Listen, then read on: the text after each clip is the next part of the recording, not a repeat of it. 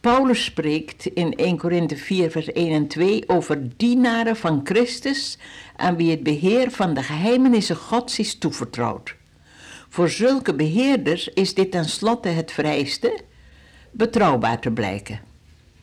Eigenlijk staat er niet in het oorspronkelijk dienaren of beheerders, maar rentmeesters.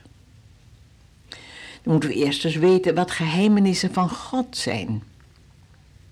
Wat zijn dat? Wel, we kunnen ze lezen in de Bijbel. God heeft ze ons geopenbaard.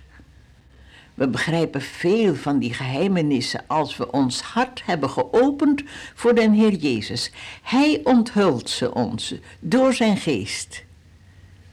En die moeten wij dan doorgeven. Ik zal er één opnoemen. Johannes 3, vers 16. Al zo lief heeft God de wereld gehad, dat hij zijn enige geboren zoon gegeven heeft, opdat een ieder die in hem gelooft niet verloren gaat, maar eeuwig leven hebben. Als we nou zo'n geweldige geheimenis God zoals deze gaan aannemen, dan moeten we het ook doorgeven. We moeten trouw zijn. Deze rijke waarheid en nog vele andere waarheden. Het maakt ons zo gelukkig en dankbaar zo'n geheim te weten. En wat verwacht God dan van ons? Nou, dat we trouw zijn. Dat is alles. Liefde en gehoorzaamheid horen bij elkaar. Maar onze opgave is geen kleinigheid. Paulus spreekt over, we zijn gezanten van Christus wegen, alsof God door ons baden, laat u met God verzoenen. En Jezus zei, gelijk de Vader mij gezonden heeft, zo zend ik u. Dat betekent dat ieder christen eigenlijk zendeling moet zijn. Gij in uw klein hoekje, ik in mijn. Kan dat nou? Jazeker. 2 Timotheus 1, vers 7 staat: God heeft ons niet gegeven een geest van lafhartigheid, maar van kracht, van liefde en bezonnenheid. We hoeven niet te putten uit onze mogelijkheden, maar uit Gods mogelijkheden. We hoeven niet aan te haken aan onze beperkte kracht, maar aan Zijn mateloze kracht. Heeft nu ieder christen ook als hij een gewone roeping heeft als huisvrouw, als fabrieksarbeider, als handelsman, nu heus beheer over de geheimenissen Gods, is hij daarvan een rentmeester? Drie mannen waren aan het metselen. Een voorbijganger vroeg aan de eerste: Wat ben je aan het doen? Ik metsel een muur. Hij vroeg het aan de tweede en die zei: Ik verdien brood voor vrouwen en kinderen. En de derde zei: ik bouw een kathedraal. Mijn vader had een horlogezaak. Hij zei soms tegen me: Mijn naam staat op de winkel. Eigenlijk moest Gods naam erop staan. Ik ben horlogemaker bij de gratie Gods. Ieder christen bouwt aan het koninkrijk Gods. Of je nu een horlogemaker, een metselaar, een huisvrouw of een professor bent. Of waar je ook geroepen wordt roepen kan je heel origineel maken. Ik sprak een poosje geleden een kolenhandelaar. Hij vertelde dat hij twee telefoons had, vlak naast elkaar. Dikwijls heb ik aan ieder van de telefoons gesprek, zei hij. Door de ene geef ik zielzorg en vertel van de Heer Jezus. Dikwijls tegelijk als door de andere kolen besteld worden. Ze kunnen dan allebei horen wat ik zeg. Ik vraag die tweede even te wachten. En zo hoort hij het evangelie ook. Ben ik daarmee klaar, dan vraag ik: hoeveel kolen heeft u nodig? Zo vatte hij op de roeping als rentmeester van de geheimenissen Gods.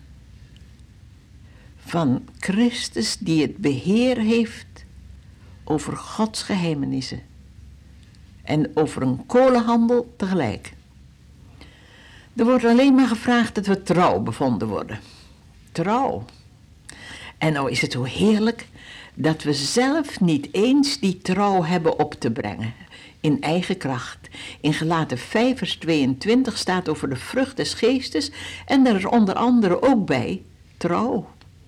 We doen het samen. Hij, onze opdrachtgever, en wij. Paulus zegt in 2 Timotheus 2 vers 13, indien wij ontrouw zijn, Hij blijft getrouw, want zichzelf verloochenen kan hij niet. Die trouwe houdt tot in eeuwigheid. Hand aan hand met Jezus zijn we trouw en we kunnen de visie op onze roeping hebben, ook al lijkt alles donker en verloren. Mijn broer zat in de gevangenis gedurende de oorlog. Zijn vader, zijn zusters, zijn zoon waren ook gevangen genomen. Wat er met gevangenen in die tijd gebeuren kon, was hem bekend. En toen schreef hij een gedicht. Jongeren, we zijn in een tijd geboren van veel problemen en strijd. Dingen gebeuren die alles verstoren, dingen des duivels waaronder ik lijd. Maar ik wil daarmee niet mijn dagen verkniezen, nog me in de waan der zonde verliezen. Een schrikkelijke tijd, nee, een heerlijke tijd. Want Christus de Heer voor zijn jongeren strijdt. Jongeren, we zijn in een wereld geboren waar volle vrede is aangezegd.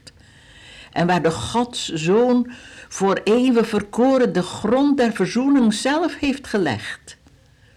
Wie zich aan hem niet mogen overgeven, voor mij is hij weg en waarheid en leven. Een schrikkelijke tijd? Nee, een heerlijke tijd, want Christus de Heer voor zijn jongeren strijdt. Jongeren, we zijn voor een toekomst geboren, waarin we onze vleugels weer uit kunnen slaan.